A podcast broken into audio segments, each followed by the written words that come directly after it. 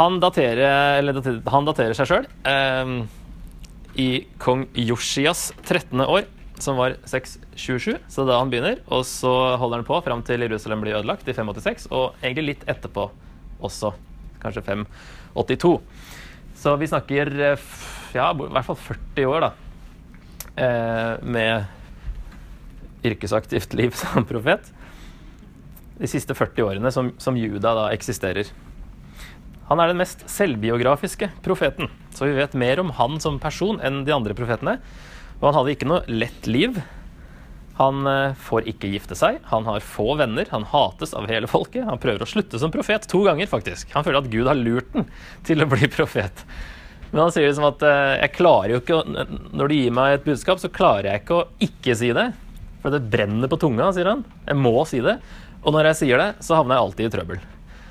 Det er liksom, hørtes ikke ut som det skulle bli sånn i starten. Så han eh, er ganske på grensa til blasfemisk noen ganger. Han er ganske fortvila. Og han vil egentlig ikke være profet. Og av en eller annen grunn så er ikke boka kronologisk. Selv om det er en grunnleggende kronologi til stede, så hopper han litt fram og tilbake. På ett punkt så leser vi jo at kongen Det er faktisk det eneste stedet folk hører på profetene til, profetiene til Jeremia.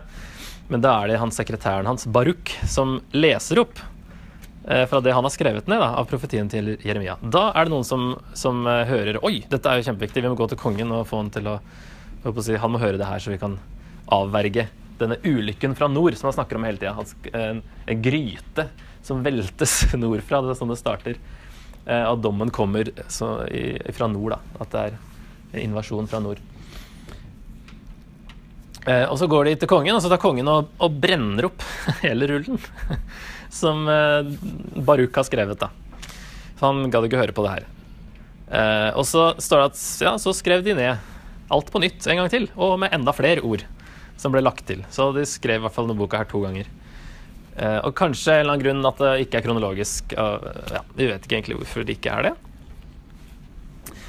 Eh, men vi kan se litt på en sånn oversikt.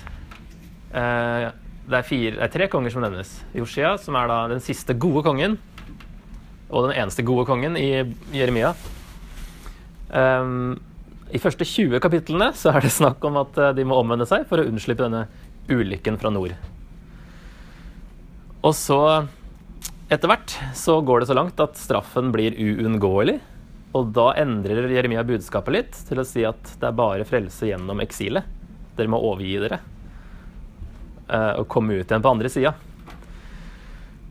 Um, og så fører eksilet at eksilet skal føre til frelse gjennom en ny pakt. Nå begynner det å bli positivt i kapittel eh, fra 30 og utover. At han, eh, det kommer noen noe Jesus-ting og sånne ting. Men han hopper litt mellom disse kongene her, Joakim og Sidkia, i kapitlene. Så går det fram og tilbake, så her er det ikke sånn tydelig kronologisk. Han ber folk om å omvende seg 100 ganger i de første 20 kapitlene. Det er bare om igjen og om igjen og om igjen.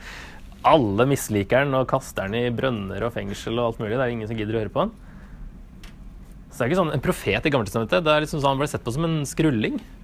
Og en som bare kom med negative ting, liksom. Det var ikke noe sånn Oi, her er det noe overnaturlig.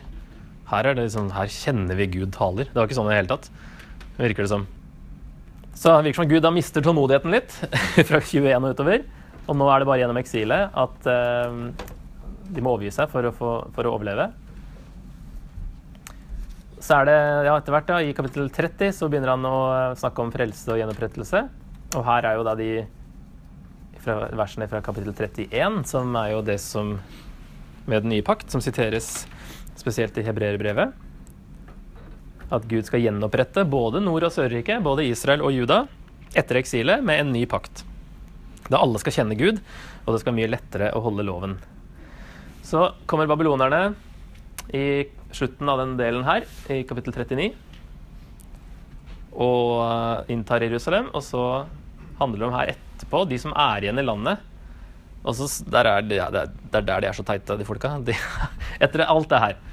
Ingen har hørt på Jeremia i 40 år, og så går det akkurat som Jeremia har sagt. Og så sier de OK, nå vet vi ikke om vi skal dra til Altså de som er igjen i landet, da, for alle ble jo ikke tatt til Babylon. Så tenker, sier, kommer de til Jeremia og sier eh, nå, nå vet ikke om vi skal dra til Egypt eller være her, hva som er tryggest. Kan du spørre Gud hva vi skal gjøre? Og uansett hva han svarer, så skal vi gjøre det. Så går Gud og så, nei, Jeremia spør Gud, og så sier Gud eh, ikke dra til Egypt, for der kommer babylonerne senere. Det er ikke vits å dra dit. Så kommer han og sier det, og så spør Gud nei, vi drar til Egypt. Vi gidder ikke høre på deg. Så er det sånn, er det mulig? Etter 40 år, altså fortsetter de akkurat likt. Så Jeremia ble tatt med til Egypt mot sin vilje, og der ser det ut til at eh, fortellingen eh, sluttes, eh, slutter. Og så kommer det dom over folkeslagene igjen til slutt. Da. Så det er jo på en måte litt tematisk satt opp på. At har, Baruch, eller hvem det nå er som har samla det til slutt, har satt opp eh, sånne utsagn mot andre folkeslag som en egen bolk mot slutten. Den siste nasjonen som får domsord mot seg, er nettopp babylonerne. At de òg skal bli inntatt av en fiende senere, og at folket som er i eksil, kan komme tilbake. Så det er litt håp her også. Gjenopprettelse for Juda. Og så går det tilbake igjen til Jerusalems fall i siste kapittelet. Ligner veldig på slutten av andre kongebok. Og det er kanskje en slags konklusjon på alt det som Jeremia har advart dem mot da, gjennom hele boka. Eh, det er mye i Jeremia som peker fram mot Jesus. Det er mye sånn konkrete vers, som f.eks. i 3.16, at de ikke skal tenke på paktkisten lenger. Det er litt sånn Den gamle pakt skal være over. Og i kapittel 23 og 33 så snakkes det om en rettferdig spire for David. Og David er jo nå i profetene blitt et kodeord for Messias. Så det kommer en, eh, en etterkommer av David. Eh, David sin konge, som er en, en konge, altså en Messias. Det er jo det som sagt Messias betyr. Eh, og så er det den nye pakt, da, som er, eh, siteres da i Hebreerne 8, og som er det lengste sitatet fra Gammeltestamentet i Nytestamentet. Så det er et veldig viktig avsnitt. Men så kan vi kanskje se litt større på det òg, istedenfor å bare se sånne småting som peker fram mot Jesus. Sånne enkeltvers, så er det liksom et mye større bilde som kanskje òg gjør det. F.eks. dette ramaskriket, som har blitt et uttrykk som vi bruker, som er fra Jeremia. Som at, eh, at et skrik høres i Rama, eller noe sånt. Det er jo et sted. Eh, som siteres i Matteus 2 om Jesus om da Herodes drepte alle guttebarna i forbindelse med Jesu fødsel. Det er det Matteus bruker det som. Um, for I Jeremia så handler det om at da folket ble tatt til Babylon. Og det, Hvordan kunne det oppfylles av Jesus? At folket ble tatt til Babylon? Men da er det kanskje de forfatterne av Nytestamentet ser mye større på det enn sånne enkeltvers. At um, Det virker som at Matteus sier at folket egentlig har vært i eksil hele veien. Selv om de kom tilbake til landet, så fikk de aldri noen konge, f.eks. De fikk bygd opp igjen andre ting, men var aldri helt fri. Eller kom aldri helt tilbake før de fikk kongen, og kongen kom jo her. Så det, egentlig så har de vært kanskje i eksil helt til Jesus kom. Eller på en annen måte at uh, tilbakevendingen fra eksilet da, peker fram mot frelsen i Jesus.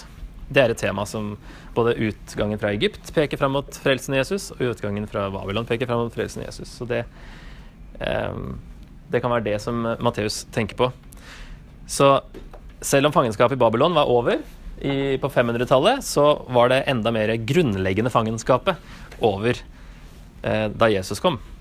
Så at Matteus kanskje sier at nå, når Jesus har kommet, så skal de få komme ordentlig hjem til Gud.